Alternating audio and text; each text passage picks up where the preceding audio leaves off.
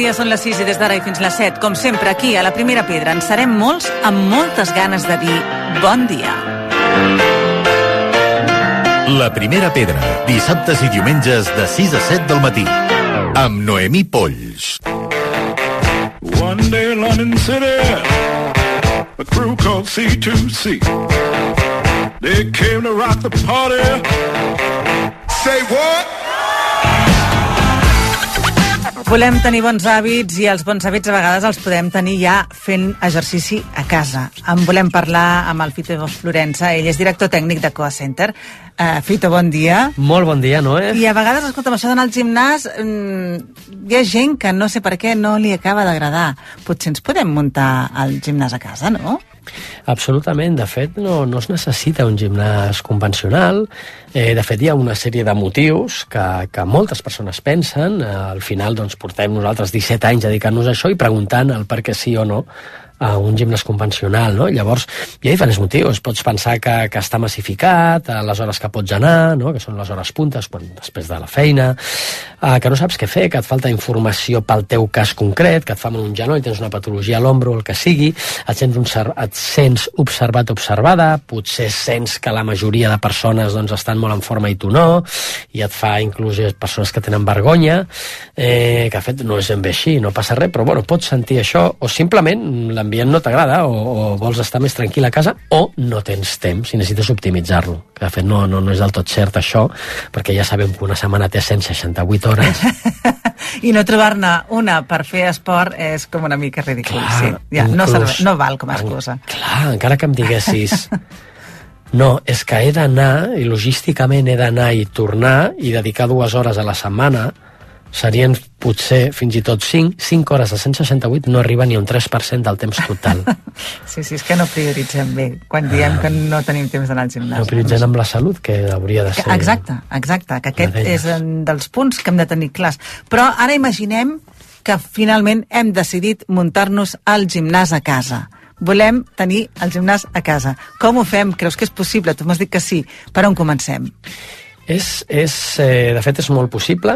Uh, mm, per començar, no necessites material, necessites un lloc... Un, un mini espai. un mini espai on capigues estirat, estirada, amb els braços extesos per sobre del cap, aquest és el lloc que Suficient. necessites. Eh? Si ara em diguessis però quin seria el millor, no? Perquè potser al menjador hi ha la tele, hi ha altres persones veient-la, hi ha un sofà, que al final doncs, és un lloc on descanses, igual que la teva habitació, no? Hi ha el llit, i clar, al principi costa, eh, al despatx on fas feina i et fa mandra... Bueno, eh, mira, si pots escollir, clar, una habitació dedicada a això i a una altra cosa que no facis massa sovint, perfecte. Però, si no, escull un lloc, el mini espai que hem dit, on càpigues estirat, si pot ser que hi hagi llum natural, llum natural, apaga la televisió, si vols aquestes persones que estan veient la tele que s'impliquin amb el teu propòsit, que passi a ser el propòsit d'ells i així faràs alguna en família, cuidant-vos, que uneix, que està molt bé, és bonic, i, en fi, la terrassa, per exemple, que a més a més pots dir, bueno, però ara fa fred. Bueno, has de saber, has de saber que, es, que entrenar a temperatura ambient almenys una vegada a la setmana és molt bo. Però al final és sa, t'aclimates abans a la temperatura en la que has de viure.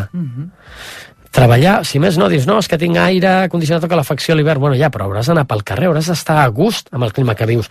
I se sap que termor, termorregulem molt bé, o millor, si fas exercici, també a temperatura ambient. Veus? Això no ho havíem Si fas exercici, però si a més a més ho fas a temperatura ambient, encara, encara és millor. Doncs mira, la terrassa com a també un dels punts on poder tenir aquest gimnàs a, a casa. I eh, quin kit tenim? Cal un kit? Mira, et puc proposar tres kits. Un és el kit eh, invisible. Invisible perquè no necessites res. Necessites el teu cos i posar-lo en diferents Aquest situacions. Molt econòmic. Clar, Sí, és sí. molt econòmic i no necessites, necessites eh, exercicis... Roba roba, roba, roba còmoda. que sigui còmoda, no necessites secret. exercicis sense res, flexions de braços contra la paret, amb els genolls a terra, eh, planxes abdominals, a terra, també amb una taula de menjador, eh, el pont de gluti que el fas estirat a terra, per exemple, eh, que ho pots fer a sobre d'una catifa, no necessites una màrfaga, no? una esterilla, mm. dit d'una altra forma, no? Eh, en fi, pots fer moltes coses, sentadetes, aixecant-te i pujant d'una cadira, és a dir, no necessites res. Després, et proposo un kit amb material alternatiu, que de fet, material alternatiu bàsicament és que no és específic, no, no és una marca concreta d'un material eh, de gimnàs, no? perquè ens entenguem ràpid, i et proposo, de fet, i sempre aconsello, si ja ho tens i l'alternatiu fa exactament la mateixa funció que fa un específic, no et gastis els diners mm. amb això. Si el material, que després et diré el kit específic per qui ho vulgui, resulta que sí que t'aporta algo que no pots fer de cap forma amb material alternatiu, llavors sí val la pena comprar-ho. I per tant, quin és el kit de material alternatiu? Mira, el kit eh, material alternatiu pot ser una cadira per aixecar-te i posar-te en peus, per exemple, entre altres coses, amb dues cames, amb una, una taula de menjador, on pots fer flexions o planxes abdominals que no et costi, que no et costi tant com a terra. Eh, pots eh, Una utilitzar... paret. Una paret, Clar. una paret per fer flexions no? eh, contra la paret, el propi terra, després ampolles d'aigua, de llet, garrofes, després un pal, per exemple, de, de fragona, no? Sí, sí. O d'escombra, no? El, el, el desenrosques. Mira, i de fet aquí aquí vull fer un altre punt, i evidentment que encara menys tinc cap interès, no? Però jo he provat alguns pals de- d'escombra o, de, o de fragones, de motxos, Sí, sí. no? i alguns es dobleguen una mica. I jo tinc provat que el pal de la marca Fragona, t'ho puc assegurar, t'ho puc Pal assegurar, de la marca aquest Fragona. dura molt. Ah, val. Doncs aquest el tindrem I no sé, compte. no sé ni si és una marca o no, però, però bueno, sí, crec que sí, sí, que crec que sí, i dura molt, perquè és més resistent. Llavors, per treballar la mobilitat, Mhm. vale? és a dir, no cal que et compris un pal de fusta específic, vale? per exemple, d'arts marcials del que sigui per treballar la mobilitat. Amb això et serveix.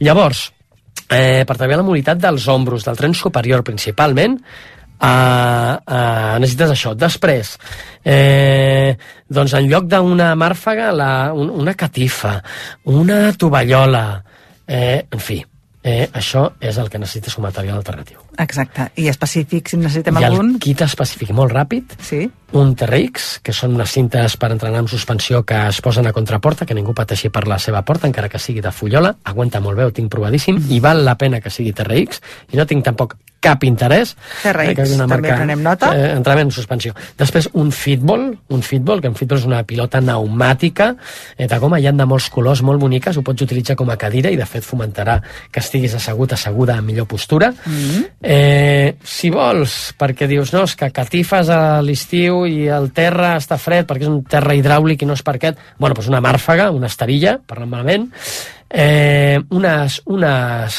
gomes elàstiques i un foam roller, un xurro de, de goma espuma, no sé si teniu al cap molts, és, a més tot això és molt econòmic, i, i ja està. I qui estigui més entrenat, això és una mica més car, unes mancuernes amb selector ocupen molt, molt poc espai, molt poc espai, eh, potser 30 centímetres eh, quadrats o a lo llarg, i encara menys centímetres a lo ample, i allà eh, tens un selector que pots escollir des de 2 quilos fins a 40 quilos. O sigui, imagina't, i t'hi cap en, en, en, En molt poc en, espai. Res, en molt poc espai.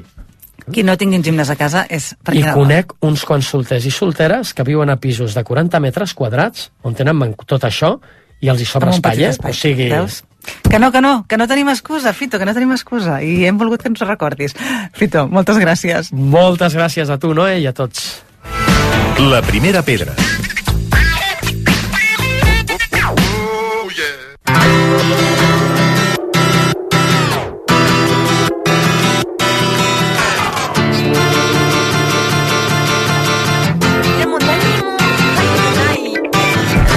I és el moment de prendre'ns la vida en filosofia. Ho fem amb la Montse Crespín, que ella és professora de la Universitat de Barcelona. Montse, molt bon dia.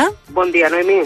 300 anys de la mort d'Immanuel Kant, per tant, avui toca parlar d'ell i d'una part de la seva reflexió que és insociable sociabilitat. A veure, explica'ns, què és això de la insociable sociabilitat? Sí, insociable sociabilitat per parlar, com deies, d'un any que és aquest kantià, amb moltes commemoracions. Aquesta idea, insociable sociabilitat, la trobem a un text que és clàssic, que porta per títol Idea d'una història universal en sentit cosmopolita. Allà, Noemí Kant exposa una idea que és molt rellevant també a la llum d'avui. Per què? Doncs perquè quan parlem de la teorització moderna de la societat en clau conflictualista, parlem d'una organització social plena d'antagonismes socials i de relacions de poder entre diversos grups. Doncs bé, Kant ens parla d'aquest conflicte, que ell denomina també antagonisme, i és un element clau per entendre què és aquesta idea d'insociable sociabilitat. Fixa't, Noemí, el que deia Kant. Y faig una lectura d'una petita cita. Diu, entiendo en este caso por antagonismo la insociable sociabilidad de los hombres, es decir, su inclinación a formar sociedad que sin embargo va unida a una resistencia constante que amenaza perpetuamente con disolverla. Mm -hmm. Això és el que ens passa constantment, no? Que, que la societat es revela contra ella mateixa i això la fa autoregular-se. Seria una mica això. Clar, però fixa't, no? El tema és que no és la societat, sinó els humans que la formem. Uh -huh. Què ens ve a dir Kant? Tenim, com a naturalesa humana, dues direccions oposades. D'una banda, la fragilitat de l'ésser humà, que ens empeny necessàriament a organitzar-nos col·lectivament en forma social. Però de l'altra, som nosaltres mateixos, aquest mateix ser humà, qui amenaça constantment l'harmonia i l'equilibri de la forma social.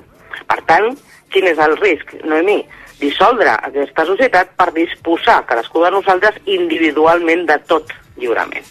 Aquí és on està aquesta insociable sociabilitat. I Kant, Noemí, busca una manera de redreçar-la.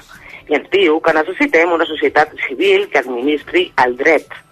Perquè, en aquest cas, hem de trobar la manera no, de eh, dirigir aquesta societat civil. Ell parla, Noemí, d'aquesta constitució civil perfectament justa, perquè en cas contrari, què és el que succeeix? Doncs faríem doncs, ús d'aquesta llibertat salvatge. Per tant, hem d'entrar en una espècie d'estat de coerció, que seria les lleis. Mm -hmm. I ens Mhm. diu Kant, novament, eh, i faig una altra eh, lectura, diu, perquè és una metàfora eh, maquísima.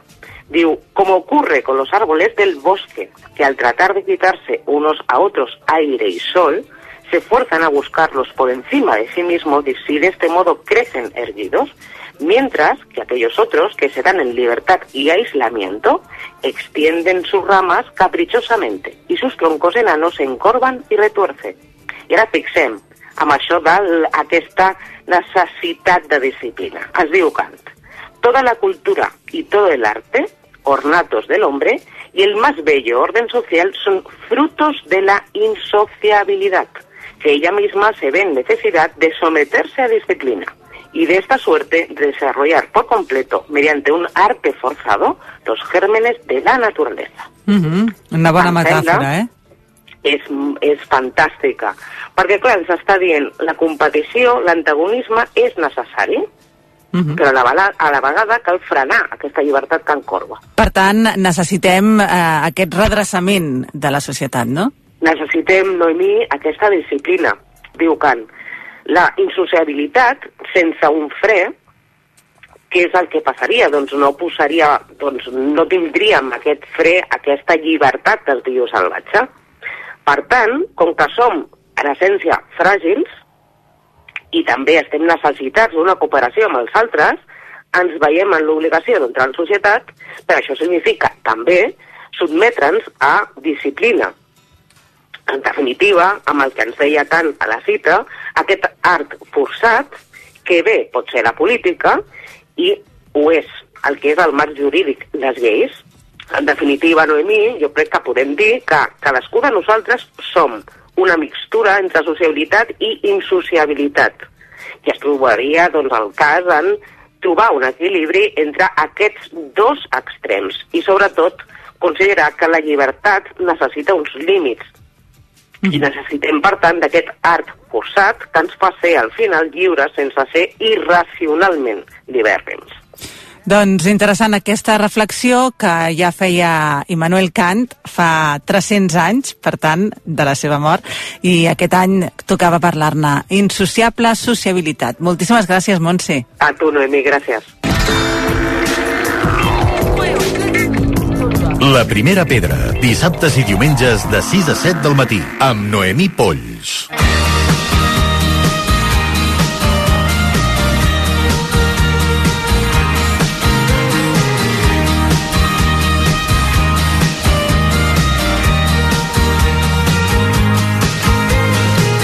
Ens agrada viatjar pel món, sobretot de la mà del Marc i la Cristina, en aquest cas el Marc, que el tenim aquí, perquè ells porten viatjant molts anys i ho fan a low cost, és a dir, de manera molt econòmica. Els trobareu a la seva pàgina Locatis pel món, on expliquen les seves aventures i experiències, i avui volem que ens en parli el Marc Magem. Marc, molt bon dia. Bon dia. Ara ho dèiem, viatgeu a low cost i, i, a més a més, jo crec que no deu ser una desti- destinació cara, la que avui parlarem, que és Venezuela. Ja has estat abans del 2012, per tant, amb unes altres circumstàncies polítiques, però tu dius que hi has estat quatre vegades, per tant, una destinació que et deu encantar. Imagino. Doncs sí, sí, sí, és un lloc que m'agrada molt. Ara fa temps que no vaig, eh, però és un país que a mi em va enamorar. Em va enamorar perquè la natura i la gent és de primera. Uh -huh. uh, tu parles molt sempre de la gent. Clar, vosaltres, de la manera que viatgeu, esteu en constant contacte amb la gent. Com hi vas arribar? Perquè potser no venies des de Barcelona les vegades que hi vas anar. Que he anat quatre vegades i només una he vingut des de Barcelona. Les altres des d'on? Des de, una vegada des de Colòmbia, l'altra des de Brasil i l'altra des de la Guyana anglesa. Uh -huh.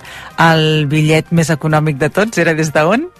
Doncs, clar, des de Colòmbia va ser el, el més econòmic. Clar. Uh -huh. uh, suposo que cada vegada que hi has anat, no sé si has anat a parar sempre al mateix lloc o no. No, he anat a llocs diferents, Uh -huh. eh, però des, destacar sobretot les platges. Uh -huh. a, a Venezuela es coneix com el mejor... No, perdó. Eh, el lloc del Carib més ben guardat.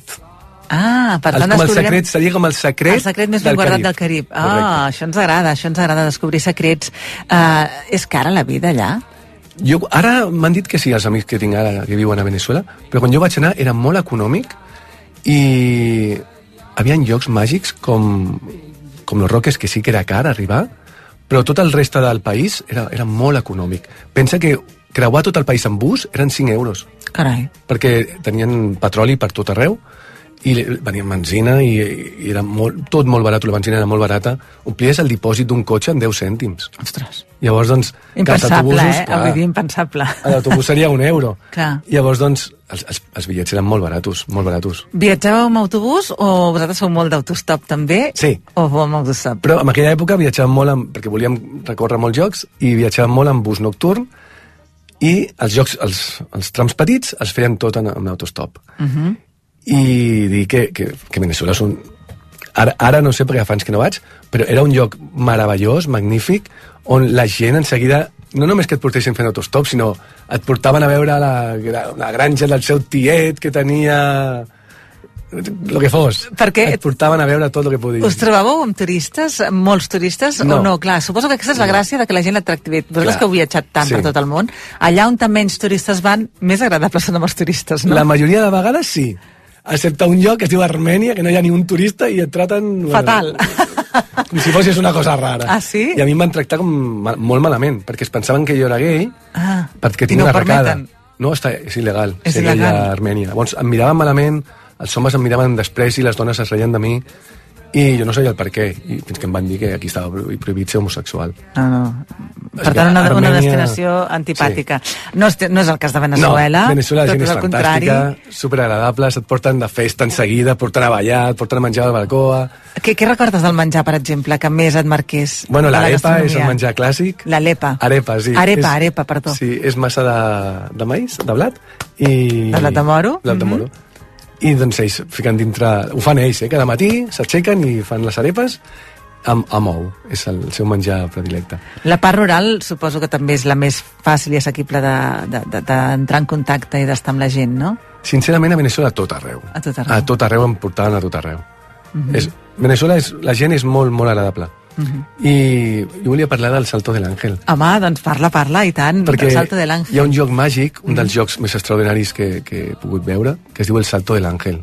Clar, quan el, quan, quan el Marc diu un dels llocs més extraordinaris que, que, que, que recorda és que ha viatjat, jo diria que tot el món. No, ja? 80 països. 80 països, déu nhi I per tant, ho diu amb coneixement de causa. Per tant, per què? Què el fa tan especial aquest lloc? És que l'entorn ja és màgic. És eh, un bosc eh, plujós, sal- salvàtic. Per arribar, només es pot arribar per via fluvial, per canoa, i estàs dos dies per arribar fins al Salto de l'Àngel, fins la base de la, de la cascada. Són mil metres de cascada, és la cascada més alta del món, però no només és aquesta cascada, fins a... Quan vas arribant, hi han cascades per tot arreu, salts d'aigua per tot arreu, espectacular. Natura És espectacular. totalment... Salvatge. Salvatge. i en estat pur. Mm -hmm. És molt recomanable si podeu anar, perquè la veritat que és, és meravellós. Hi ha llocs també com el Roraima, que és la muntanya més antiga del planeta, que és, és la zona, es diuen Tepuy, són unes muntanyes que són quadrades, i és que és extraordinari, extraordinari. I a qui li agradi platges, té platges al No se les acabarà. Bueno, jo recomano Mochima i Los Roques, perquè són dos, dos dels llocs magnífics. I a qui li agradi doncs, la festeta, restaurants i tot això, doncs Isla Margarita, que és, seria com el lloc més turístic de Venezuela. Uh -huh. Isla Margarita. Sí. Doncs escolta'm, anirem a Venezuela, esperem que tu també hi puguis tornar aviat, però esclar, encara et queden tants destins que no... Clar, és que he tornat quatre cops. Clar, ja, Ja, has anat quatre, ara, aquesta és repe, aquesta és repe. doncs et seguirem la pista, o sigui que Marc, com sempre, moltes gràcies. Gràcies a tu. La primera pedra. I mentre preparem viatges pels dies de vacances que han de venir, volem gaudir del camí i en Jordi Margarita ens fa una proposta per fer una sortida a casa nostra. Bon dia, Jordi. Bon dia, Noé. Alguns de vosaltres haureu viatjat per Califòrnia, plena de parcs naturals, i us haureu apropat al cèlebre parc de les Sequoies. Doncs bé, a la comarca d'Osona hi ha un lloc que no us decebrà quan es tracta de sentir-vos petitons al costat de soques i troncs grossos i altíssims. En voleu fer una prova i xalar?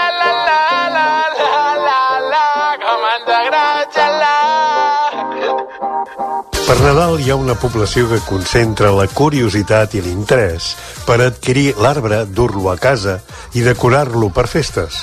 El que ja no tant saben és que a Espinelves podem gaudir d'un espai amb una riquesa natural excepcional. Heu sentit a parlar de Mas Joan? Jo tampoc fins ara.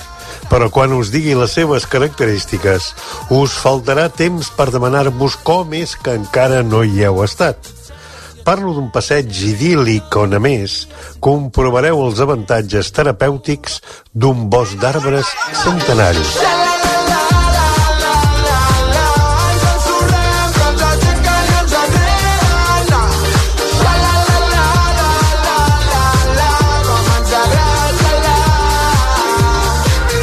L'Arborètum, creat pel botànic Marià Ferrer Rierola, acull sequoies de més de 40 metres d'alçada i un exemplar que ostenta el títol del més ample de Catalunya.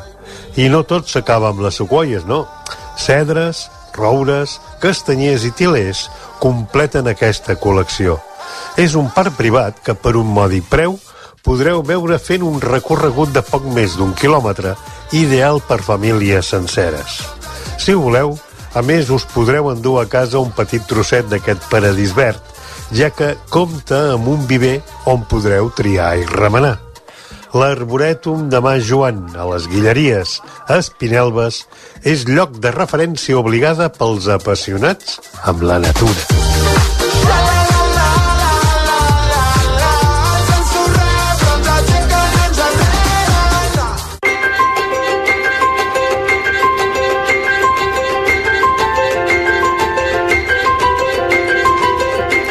Per llegir a la primera pedra tenim editorials de referència com ho és Raig Verd, que té molts títols, moltíssims títols, però avui volem parlar concretament de l'escriptora americana Úrsula K. Le Guin, amb la Laura Huerga, que ella és editora de Raig Verd. Laura, benvinguda. Gràcies. Bon dia. Bon dia. Escolta'm, teniu moltíssims títols d'ella, de la Úrsula K. Le Guin, que, que és una gran eh, escriptora, eh, molt debatuda, eh, perquè té una gran densitat en el seu contingut i eh, vosaltres heu publicat El món de l'Ecumen, és a dir, mm. molts dels seus títols, Terra Mar, sis llibres, mm -hmm. i aviat una novetat, que ara ens Sí. explicareu. Però primer situem als nostres oients qui és Úrsula K. Le Guin.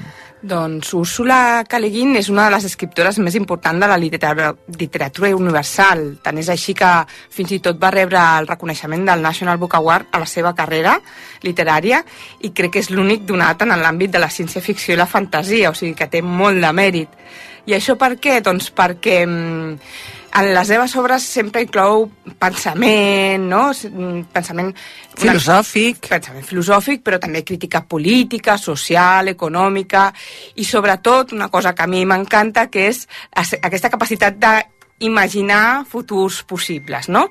Eh, aquesta possibilitat de veure que el món podria ser diferent si nosaltres també canviem coses, evidentment, no? Mm -hmm. Llavors, digues... No, anava a dir, uh, si algú volgués iniciar-se Sí. en aquest món, per exemple, de Document o en el Terramar, Sí. aconsellaries començar per un primer llibre? Clar, això sempre fa de mal dir perquè hi ha un debat entre els fans Ordre de... cronològic podria ser Sí, una podria referència? ser, i, i hi ha qui recomana fer potser una obra menor, no? més curteta, per anar introduint-se en la seva forma d'escriure, però jo no, jo soc, jo, jo soc salvatge i, i diria Qualsevol que... dels llibres. Eh, diria qualsevol, però Els desposseïts eh, crec que és una obra magnífica, per mi és la seva millor obra, tot i que això també encendrà debats segurament molt Ja ens apassionats. agrada, ja ens agrada que encengui debats. Eh, però, però crec que sí, eh, que és la seva millor obra i que si la llegeixes, si comences per aquí, jo crec que després t'enganxes i ja no pots deixar de llegir tota la seva resta de la seva obra. Eh? És aquesta la que fa 50 anys de la seva publicació. Sí, sí, es va publicar en 1974 per primera vegada, enguany fa 50 anys, i és una obra on, on hi ha dos planetes eh, i, i s'apropa, és ciència-ficció però sempre molt propera a la nostra realitat quotidiana perquè ella l'utilitza per fer crítica ja com dèiem, no? social i política i econòmica. Llavors té, té dos planetes, el planeta diguéssim on conviuen el capitalisme i el comunisme, que vindria a ser a la Terra als anys 70, eh, i l'altre planeta que és l'anarquista, no? que van expulsar fa 500 anys, no? 500 anys abans de, de l'acció, diguéssim, del relat, eh, els van expulsar i els van deixar en aquell planeta, no? Mira, quedeu-vos allà i, i així no ens molesteu a nosaltres si feu una revolució aquí, no? La feu, però la feuen allà. 500 anys després ens trobem que els planetes han anat evolucionant i que el planeta anarquista eh, hi ha un, un, el protagonista ha descobert una teoria científica que no pot alliberar en el seu planeta perquè ha arribat a un punt de col·lapse. L'anarquisme perquè ja l'ésser humà ha tornat a crear jerarquies i en aquest crear jerarquies doncs hi ha certes portes que no pots obrir. Decideix viatjar al planeta capitalista tenint en compte que ell no coneix què és un exèrcit, què són les policies, què són les presons, perquè en el seu planeta no existeix. Diu els desposseïts perquè no tenen possessions, no? Ho comparteixen tot. Ni tan sols tenen cases, sinó que tenen llocs on dormir, que es fan seus, que es personalitza, diguéssim, però que tot és compartit. No? També, també la, la fam és compartida, diguéssim, eh? no tot és de color de rosa. I jo crec que Leguin, una gran habilitat que té és que fins i tot els sistemes que admira, perquè ella era filoanarquista, diguéssim, no? era un, un sistema que, que li agradava molt més que el capitalista, diguéssim, eh, és capaç de criticar-lo també, no? i de trobar les seves febleses. No diu, mira, això seria el sistema ideal, fem-ho i ja està, sinó que no? va criticar-lo i a, a trobar-li la, la punteta. Jo crec que mm, la gran habilitat que té és, és trobar esquerdes fins i tot en, en mons utòpics. No? Un gust eh, introduir-se en aquest món, en el que ens farà pensar molt també en el present, malgrat sí. que tot eh, figura que passa i tot és figuratiu, però a més a més ara traureu aquesta novetat, que, que ens podeu avançar alguna cosa d'aquesta novetat? O... Eh, el planeta d'exili és el, el, la segona part, bueno, hi ha com un altre cicle dintre de l'univers de l'Ecumen, que és el cicle aquest de la trilogia aquesta, que vam publicar l'any passat al món de Rocanon, ara publiquem Planeta d'exili i publicarem La ciutat de les il·lusions.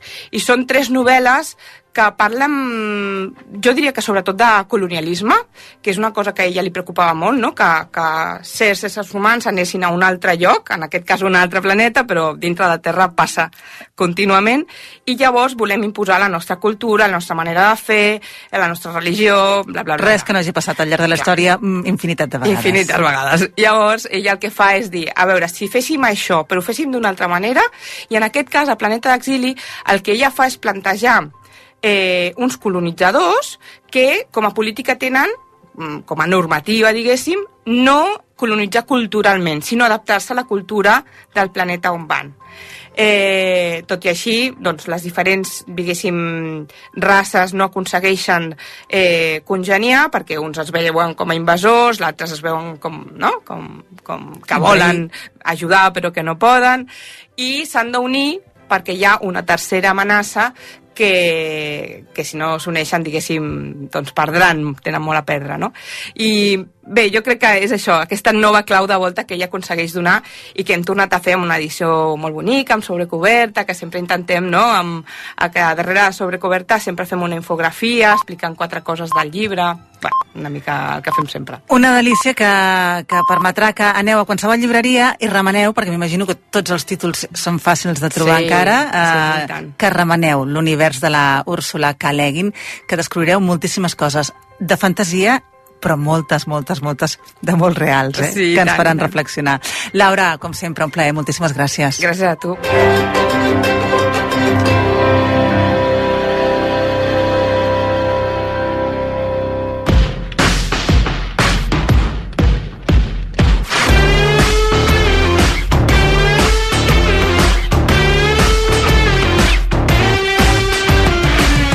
El consum responsable i la protecció del medi ambient no sempre són compatibles amb gastar menys diners.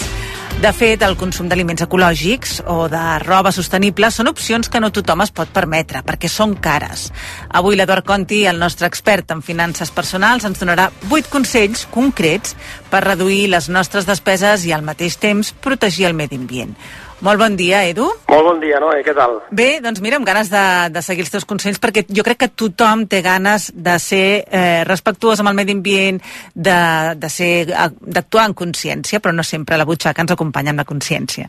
I estic segura que aquests consells ens ajudaran una mica. Això esperem. És veritat que a vegades tenim la voluntat o, o la idea molt clara, però després els diners són, són limitats, no? Sempre ho diem, és un recurs limitat i miracles no podem fer. Per tant, hem de fer coses que, que siguin possibles i realistes. Uh -huh. I per tant, comencem per la casa. Com podem reduir el consum, per exemple, d'energia, que és una despesa important a la majoria de llars? Mira, jo aquí eh, el, dues recomanacions. La primera seria relacionada amb l'ús eficient de l'energia. Jo crec que avui en dia ja, portem ja molts anys amb les bombetes LED, doncs aquesta és una cosa que podem fer, podem incorporar aquest tipus d'il·luminació a casa nostra i ho notarem molt amb el consum. Després també utilitzar rentadores o rentavaixelles que tinguin programes eco, que, que permeten ajustar molt el consum d'aigua i de- i d'electricitat. Després, desconnectar els dispositius electrònics quan no els estiguem fent servir. I també, per exemple, millorar l'aïllament de casa nostra, no? Per exemple, amb els tancaments de, de vidre. Tot això són maneres de reduir molt les despeses mensuals d'energia. Tot, tot suma eh, a l'hora de reduir la factura i sobretot són, són coses que funcionen a llarg termini. És a dir, no serà un impacte espectacular, però a la llarga acabarem estalviant diners. I en segon lloc, també relacionat amb l'energia, jo també sóc molt defensor de la instal·lació de plaques d'energia solar.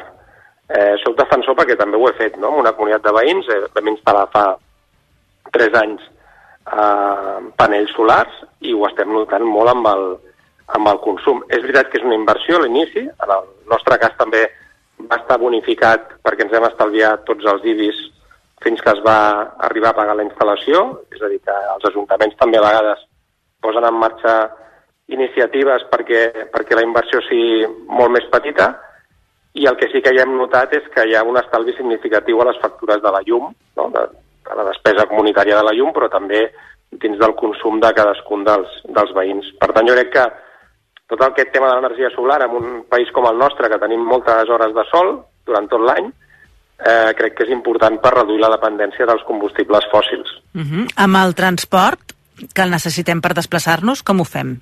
Mira, amb el transport, jo crec que el titular seria hem d'intentar, en la mesura del possible, reduir l'ús del vehicle privat. I això ja sabem que en segons quins desplaçaments és molt difícil o impossible. Però, per exemple, quan vivim en un, una ciutat o un, una ciutat mitjana, eh, ciutat gran o, gran o més petita, jo crec que és important eh, doncs, caminar, anar en bicicleta, utilitzar el transport públic sempre que puguem.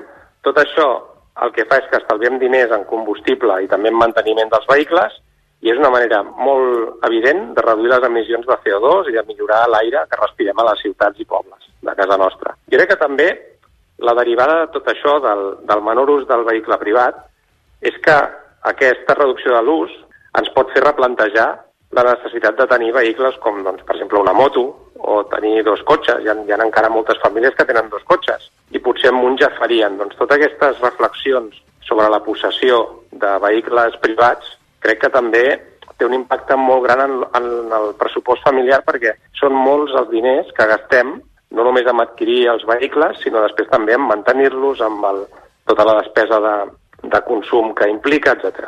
Les compres d'aliments i begudes són una de les principals també despeses de les famílies. Què podem fer?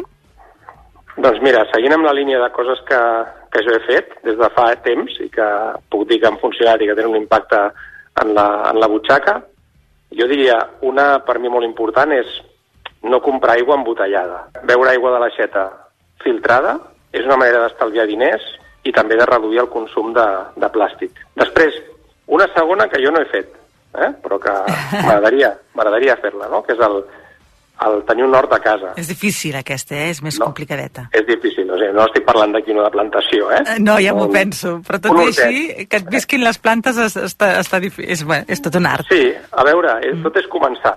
Després, també un altre, que és el anar a comprar amb una bossa o amb carretó. Eh? Jo crec que hem d'evitar el consum de les bosses que ens ofereixen els comerços per, per preus que van des dels 5 als 15 cèntims i que ens semblen preus petits i que molta gent els paga sense donar-se en compte, però és com una, una pluja fina de despesa i, a més a més, a nivell ambiental és un, és un desastre, no? M'agrada molt també la idea del carretó, eh? de recuperar-lo. Sí, sí, sí. Sí, jo crec que ens hem d'acostumar a sortir de casa amb una bossa de roba plegada i també el tema aquest del carretó, no? Uh -huh. I amb la roba, que és un tipus de consum que, que porta uns anys Mm-hmm. desbocat, ja? Desbocadíssim. Eh? Jo crec que aquí hi hauria una, una, una de les idees seria reduir el consum de roba, en general, ja sé que sona molt fàcil, però està clar que l'impacte ambiental que té la producció massiva de roba és enorme. Això crec que cada cop és un tema que s'està posant més de relleu i que ja preocupa més. Hi ha molts residus eh, derivats de la- d'aquesta moda de la roba low cost o la fast fashion, no? que és una, la versió amb roba de la fast food, i jo crec que estalviaríem molts diners, tots plegats, si aprenguéssim a ser més selectius amb la roba. Perquè al final el que estem fent és consumir pensant només en el preu, no en la necessitat. Llavors jo crec que menys quantitat, si pot ser una mica més de qualitat, i recordar que també amb la roba jo crec que val molt aquella màxima de que les coses barates acaben sortint cares, no? perquè duren menys temps i tot i que ens van costar menys diners, doncs les hem de comprar més vegades per acabar tenint la durabilitat que té una, una peça de roba ben feta. No?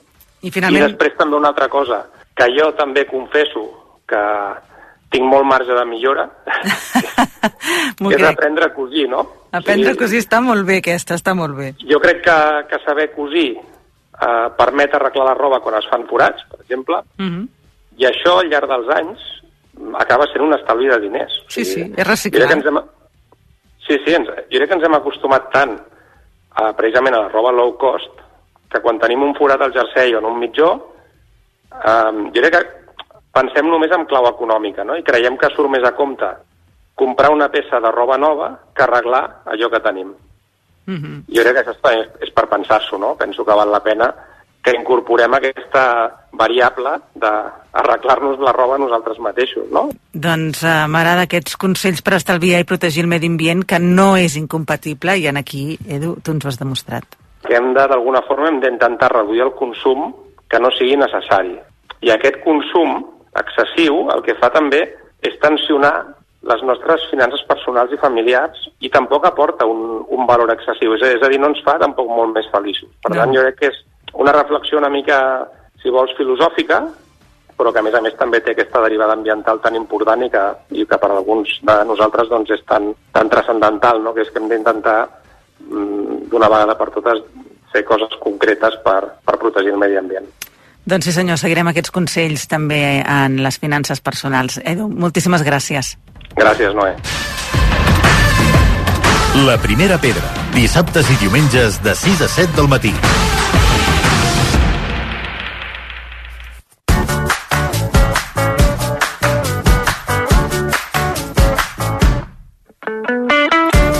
Majoria de les plataformes de streaming i els reproductors de vídeo ja fa temps que han incorporat l'opció de consumir continguts audiovisuals a una velocitat superior a la normal. Això permet consumir més continguts en menys temps. Però quines conseqüències té aquesta manera de consumir informació? Doncs en volem parlar amb la Beatriz Fagundo Morales. Molt bon dia, Beatriz. Bon dia. La Beatriz és eh, doctora en neurociència cognitiva i experta en la neuropsicologia clínica. És docent de les facultats de Ciències de la Salut i Ciències Socials del campus Manresa, de la UBIC UCC. Per tant, evidentment sap de què parlem i la primera pregunta és evident, Beatriz. És recomanable aquesta pràctica, consumir eh, continguts tan ràpidament? Doncs mira, jo et diria que si, si hi ha d'addició no, et diria que no. No. Perquè sí que té efectes positius, jo crec que l'efecte positiu més important és que és que reduïm el temps, no? Uh -huh. uh, que, que això no sé si és veritat o no, però jo havia sentit que deia Google que els usuaris de YouTube van estalviar una mitjana de més de 900 anys de temps, tots, eh? Mm. per dia em, mirant, a, mirant aquests vídeos a velocitat més ràpida. Bueno, és veritat que reduïm el temps no? i podem fer més coses i això és part del problema també de per què hem arribat això. Però jo crec que els efectes negatius són més mm, a curt termini i a llarg termini són més grans, o sigui que, que no compensa això. O sigui que si, si, si t'has de donar una resposta, que crec que és una miqueta més complicat, però si hi ha d'edició, no? Jo et diria que no. Perquè a vegades jo crec que un dels grans mals d'aquesta societat és que anem tan ràpid en tot que la informació la consumim però no la païm. Ah, correcte, correcte, sí, sí. O sigui, uh, uh, jo crec que un, un dels problemes més importants que té això que diuen de speed watching és part d'aquest model de consum que tenim ara, eh? de, de, de, de que tot, de, tot ha d'anar molt ràpid. També es parla cada vegada més, no sé si heu sentit vosaltres, però es parla, es parla cada vegada més d'un tipus d'ansietat, jo no estic convençuda que sigui un tipus d'ansietat, però que, que es diu el, el, el, el fenomen FOMO del, de l'anglès, de Fear of Missing Out, que és una ansietat per perdre experiències, perquè t'has quedat exclòs has d'estar permanentment al dia Sí, sí, sí. dels titulars, dels capítols de les sèries, dels vídeos, de, de, de, de qualsevol contingut, clar, imagina't, no? Això, Sí, però, això però- justament ajuda a que tinguem encara més necessitat de consumir molt més i al final el cervell eh, no sé si reté tot el que consumeix d'aquesta No. manera. Absolutament no. O sigui, jo, jo diria, jo dividiria eh, eh, els efectes que té això, de, de veure tot molt ràpid, no? que la vida t'està passant com molt ràpid per davant. No? Mhm. Eh, jo dividiria que això, això pot tenir eh, efectes immediats o a curt termini en, en, en temes de la capacitat atencional, de tu capacitat de comprensió, de l'aprenentatge que has fet d'això, i també té efectes a, a mig i llarg termini, diguéssim, no? Perquè això està generant canvis. Hem de saber, hem de ser conscients que això està generant canvis també al cervell, al nivell de funcionament executiu, al nivell de, de que, que és la capacitat que tenim de planificar, de la capacitat d'inhibir respostes, la necessitat d'obtenir un reforç immediat, el, el, la gestió del temps d'espera que tenim, i clar, tot això està canviant. Llavors, què sabem? Què sabem de veritat? Bueno, ja s'han fet estudis amb els efectes que té directes en la capacitat atencional. són? en lo- Mhm. Mira, per exemple, un estudi que em va agradar molt es va fer amb, amb estudiants de psicologia i van, van, van estudiar l'efecte que tenia eh, l'acceleració de les classes, eh, de, de, de, veure vídeos, però vídeos de continguts mm, de, de, de, dels temes que havien d'estudiar. Eh? Mhm. eh, els efectes que tenien en l'aprenentatge dels estudiants, el nivell de comprensió i una cosa que diuen l'experiència autoinformada de la classe, que és l'interès que tu tens, si tu has gaudit o no de la classe, la dificultat. Però van fer dos experiments que això és el que sembla interessant. Un amb estudiants que ja tenien coneixements previs de psicologia i el, el segon grup, estudiants que no tenien aquests coneixements. I els resultats eh, van demostrar que si tu ja tenies coneixement, coneixements previs, si tu ja saps del que estàs, el que estàs veient, potser no té, no efectes negatius. Però, si tu no saps res, o si tu estàs aprenent ara, llavors sí que es fa una reducció important de, de, del que diuen de, de deixar la ment en blanc, no? de que m'he desconnectat completament del que estava veient, i una reducció de la comprensió. O sigui que això jo crec que és important, eh? perquè no ens afecta a tots per igual i no ens afecta a tots eh, per igual en tots els contextos. Si, si nosaltres tenim coneixement eh, del tema, potser pots ajudar-nos fins i tot, perquè pot reduir el temps que nosaltres estem eh, veient això. Però han d'anar en compte amb això. Ara estic parlant dels adults, eh? Dels adults, exacte. però que Sí, Ara- sí, normal. Exacte, dintre dels adults eh, hi ha efectes a, a, a curt plaç i a llarg plaç, però és Clar. evident que una criatura que està en procés de formació del cervell, l'efecte serà diferent. Absolutament, o sigui, uh, i això et parlaria dels altres efectes que fa, no? A, a curt termini ja sabem això, però a més, què canvis estan produint al cervell? Un, un dels canvis és en la capacitat atencional, de l'atenció sostinguda, que és aquesta capacitat d'estar fent una cosa un, un temps, no? I, I això no és il·limitat, o sigui, el cervell arriba fins a on arriba, no? Però es pot entrenar, tu pots tenir més capacitat de concentració, però també te les pots reduir. Clar. I, eh, I també sabem segur, perquè ja s'han fet molts estudis, que aquesta capacitat de concentració, diguéssim, d'atenció sostinguda, és més gran en, en, amb els adults que els, que els nens. I per què? Perquè en bona part depèn d'una part del cervell que encara s'està desenvolupant, que és la part més, més de davant, que es diu lòbul prefrontal, i amb els adults ja tenim completament des desenvolupat aquesta part del cervell, però els nens i els adolescents no.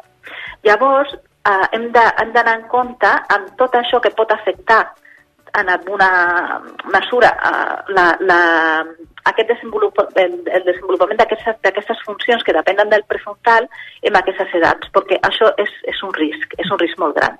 I, uh, I què ens està passant? Què, què passa quan tu veus i escoltes continguts en molt poc temps, que estàs canviant d'una cosa per altra, estàs retallant la teva capacitat atencional, estàs reduint aquesta capacitat atencional.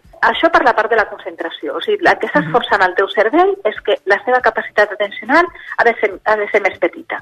Perquè tu no necessites tanta capacitat atencional, tu pensa que el cervell s'adapta, eh? I diu, ah, doncs si tu no necessites aquesta capacitat, doncs aquells recursos van per a un altre tema, no? Tu m'estàs dient que tu el que necessites és canviar d'una cosa per altra, d'una cosa per altra. Doncs no passa res, jo et donaré això. O sigui, cada vegada que tu fas que fas això, no? Que, mira, ostres, estic al dia amb això, estan parlant de no sé què, jo ho sé, perquè he mirat, no sé molt, eh? No sé molt, perquè m'he mirat molt per, per, per sobre, però alguna coseta sé. Doncs cada vegada que fas això, el teu cervell rep un reforç, un, un premi.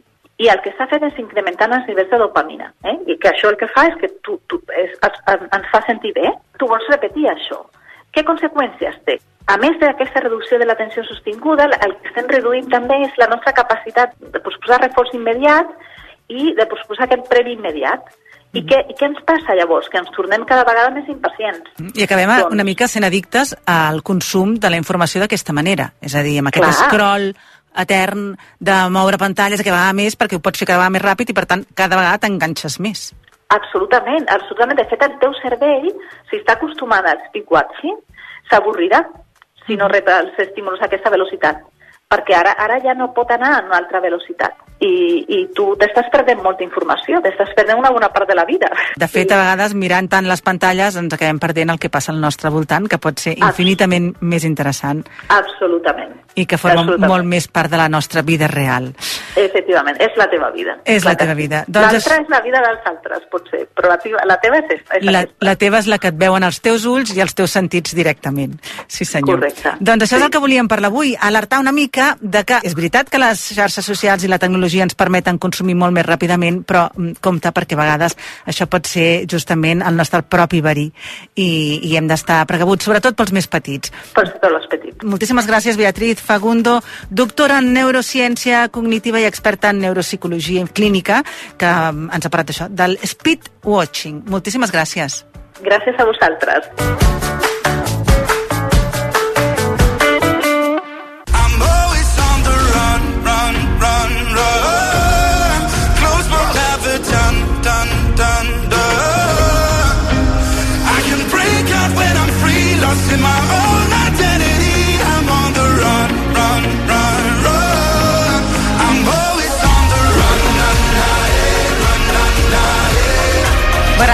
Jordi Ramos, bon dia. Molt bon dia. Sí, sí, m'agrada, m'agrada, m'agrada. Sí? Això és Alemanya, Noemí. Alemanya. Sí.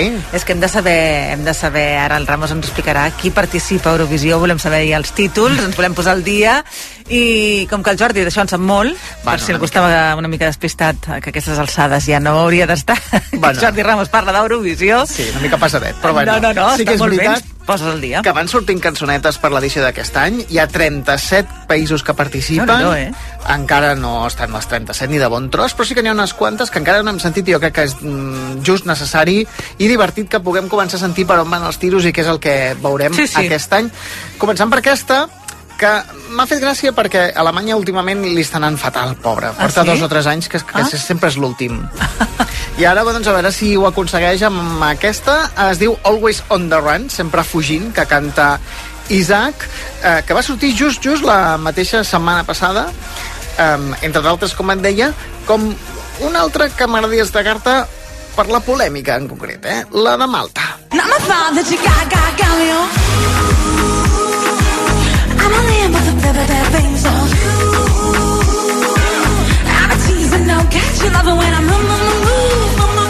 Tot i que per veure el tema de la polèmica hauries d'estar mirant el vídeo i Ja. allà veuries a Sandra Bonici interpretant aquest tema que es diu Loop amb un ball i un vestit, Noemí, que s'assembla tant al que va fer Chanel, Ah, sí? tot, tot Home, ell, Però quina poca picardia, no? o, o massa, no ho sé, potser creu que això li ajudarà a funcionar, però és que realment és un escàndol, eh? Han arribat a fer vídeos amb la pantalla partida i realment és un escàndol el que està fent. Una altra cosa és que t'agradi la cançó, però ja veus que el rotllo sí que és una mica, una mica chanelista que és evident que un cop més demostra que va fer història. Te'n porto més, perquè també té molta gràcia el cas de Luxemburg. Come, I will never let you down.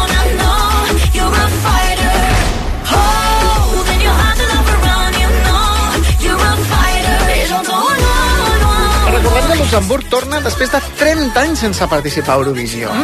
Ho farà amb aquesta Tali, aquesta fighter, que vol dir lluitadora, i que realment, doncs, amb un eurofan, evidentment, doncs, té un significat uh, enormement, no? La setmana passada també va sortir Moldàvia.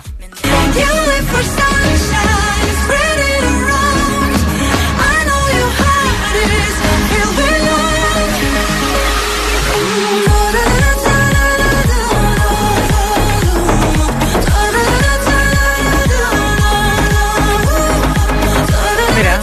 què dir-te. És un rotllo així una mica més folk, Sí. diguéssim, bastant propi de, de tot aquell món més eslau, més balcànic, que en aquest cas també um, ella va- van molt sòbries, totes amb- acompanyades d'uns violins, vull dir que veus els com sonen Sí, els, sí, aquests sí, violins? ara, ara. Sí, té aquest punt que bé, veurem com li va. En aquest cas ella es diu Natàlia Barbu, canta la cançó In the Middle, al mig, i de fet aquesta noia ja va participar a l'Eurovisió el 2007 representant a Moldàvia, llavors va quedar desena i això la veritat és que és una molt bona puntuació um, a veure com li anirà de Moldàvia anem a Letònia It's killing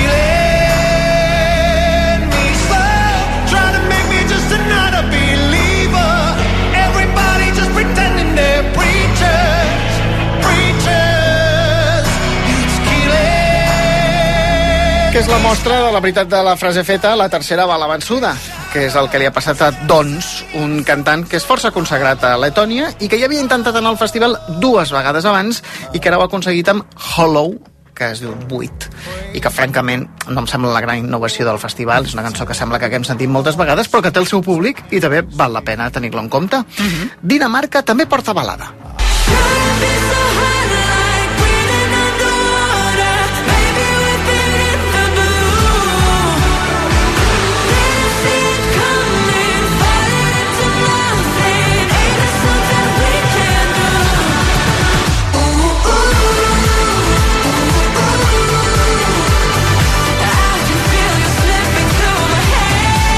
Es diu Sanna, que vol dir sorra, sí. La canta Saba, que és una noia que és cantant, model, emprenedora i també actriu d'origen natiu, que a sobre també és activista per la salut mental.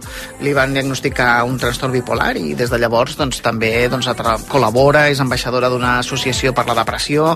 Vull dir que és una noia molt implicada que a l'hora de fer aquesta selecció realment li va anar superbé, era la supergran favorita i ho va rebentar a dins del programa de, de la televisió danesa i aquí la tindrem. A veure, doncs a veure quin paper fa. Espera. Seguim. Sí, fixa't, perquè és que és molt fort el que porta Estònia, mira.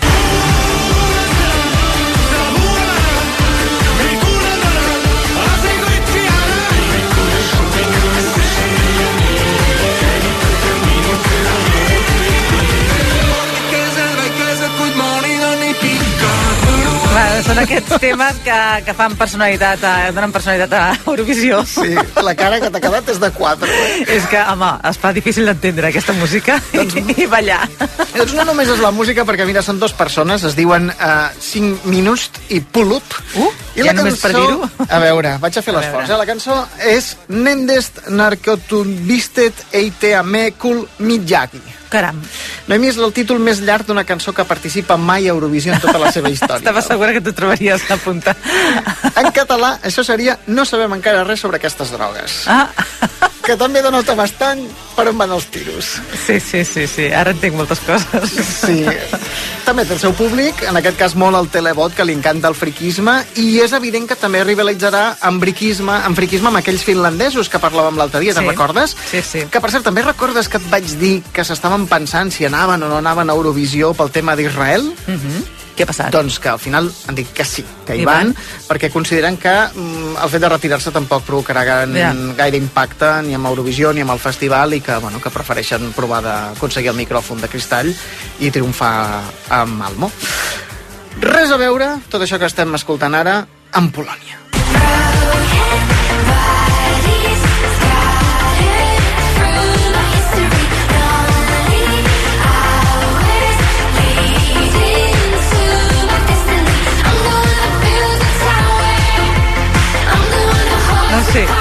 No sé. Bueno, sembla, jo... mica, sembla com una veu una mica infantil, no? No és una cosa com més artística, diguéssim, Sí? no? Sí, sobretot perquè, mira, ara et deia que no tenia res a veure amb el que estàvem sentint fins ara, però és que tampoc té res a veure amb el que va fer Polònia l'any passat, que no te'n recordes de Blanca, que feia aquella cançó amb, Sí. les, amb les palmeres, que semblava Salou, allò, tot molt, molt Sí. superficial. Doncs ara no té res a veure, eh? és una cosa, com et deia, molt artística, es diu The Tower, la torre, i la cantant és Luna, que va així com, sembla com albina, eh, ella és música, cantant, ballarina, actriu de musicals, professora de ioga, que això segurament encara li porta més misticisme, i fixa't que ella ha dit que és molt fan tant de Nick Cave com de Bjork, Ah. que veus que encara encara va, va més per aquí i bé, és una aposta completament diferent que ha agradat força, però també ha agradat molt Bèlgica. Mira,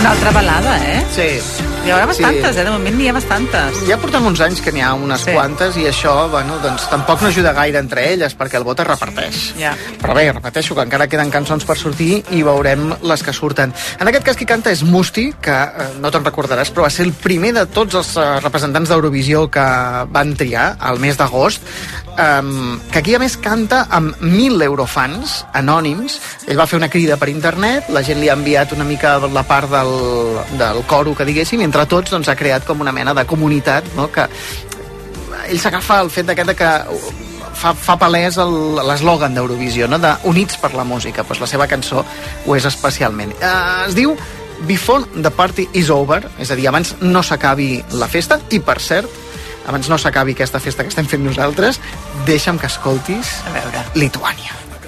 Diena viena ir vėl kita, tarytum čia, data sustojo, einu tai ten, einu tai šiam, ir kai sutems, ir vėl iš naujo. Això puja, eh? Això puja. T'agrada? És de les que t'agrada? Eh, Ho dic perquè pinta superbé, això. Ah, sí? Sí, sí. Ell es diu Sylvester Belt i la cançó Luktel.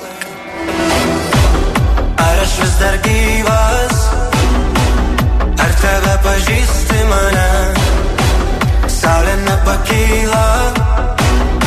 Doncs escolta'm, anirem veient a veure què més Sí, surt, sí, sí. qui competirà amb qui, i a veure qui s'emporta aquest, aquest guardó. Bueno, jo te Encara queden dic. dies. Quan, quan, qui- quin dia és Eurovisió? Eurovisió Quan 7, 9 i 11 de maig, a Malmo. és?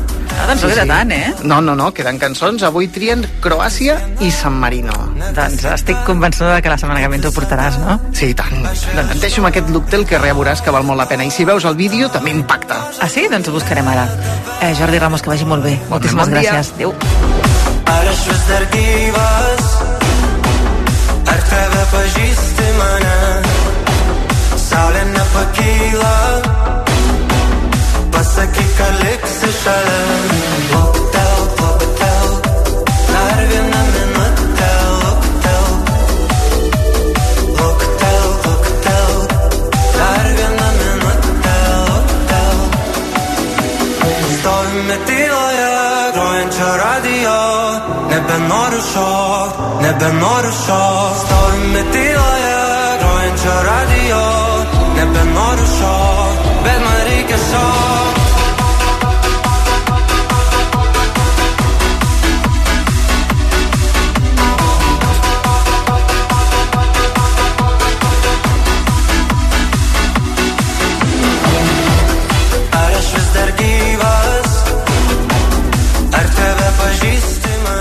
A CaixaBank sabem que acompanyar-te és estar amb tu sempre que ho necessitis. I com que volem que protegeixis el més important, et mantenim el preu de les assegurances de salut i de vida i de l'alarma Securitas Direct sense pujades durant 3 anys. Informa't en la teva oficina o a caixabank.cat. CaixaBank. Tu i jo. Nosaltres. S'aplica les assegurances MyBox.